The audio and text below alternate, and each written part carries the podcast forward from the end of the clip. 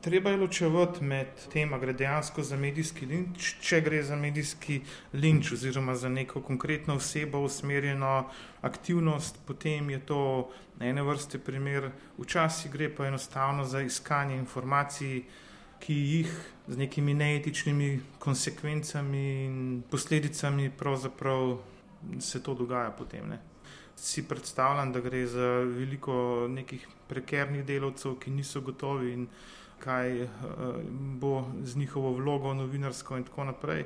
In uh, zato odgovornost novinarjih samih ni nujno prav njihova odgovornost, morda odgovornost tistih, ki so njihovi šefi, ki pač eh, so izredno sproščeni, če tako rečem, glede kritičnosti ali pa obravnavanja posledic, ki jih neka informacija lahko ima. Treba je ločevati med linčem, kar pomeni, da je zadeva usmerjena prav na posameznika, velikrat je pa novinarjem vseeno. Pač glavno je, da se piše, glavno je, da je novica še toliko bolj še slaba, glavno je, da so prvi pri tej novici, je pa to izredno lahko stresno, za zdravje tvegano. Eh, tvegana okoliščina. Sploh, če gre za neutemeljeno obtožbo, vi ste vprašali, kaj človek v takih primerih lahko naredi. Um, jaz mislim, da rabi, da potrebuje neko znatno delujočo oporo, socialno oporo ljudi, katerim se lahko zaupa, katerim pove. Mi moramo vedeti, da neka širša socialna sredina, širše okolje pogosto te informacije, tako kot so bile nekritično posredovane in dane v javnost, tudi nekritično sprejme.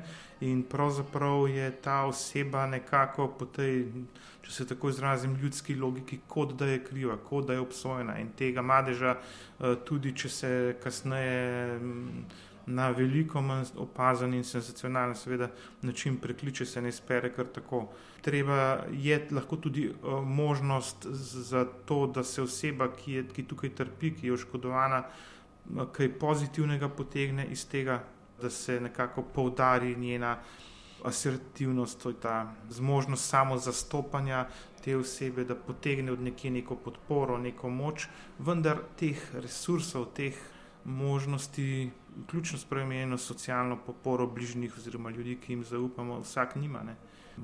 Veliko takih, ki ne bi bili bližnji, sčasoma tudi verjamejo, da je nekdo, ki je obtožen, pokrivem kriv. Ne.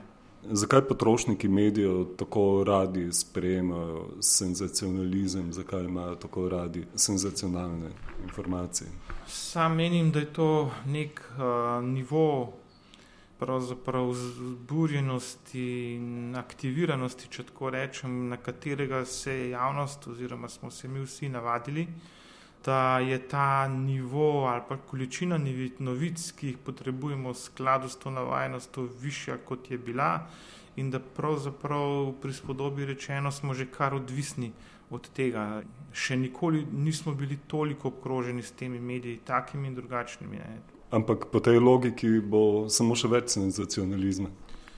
Pravzaprav je vprašanje, kam celotna situacija pelje.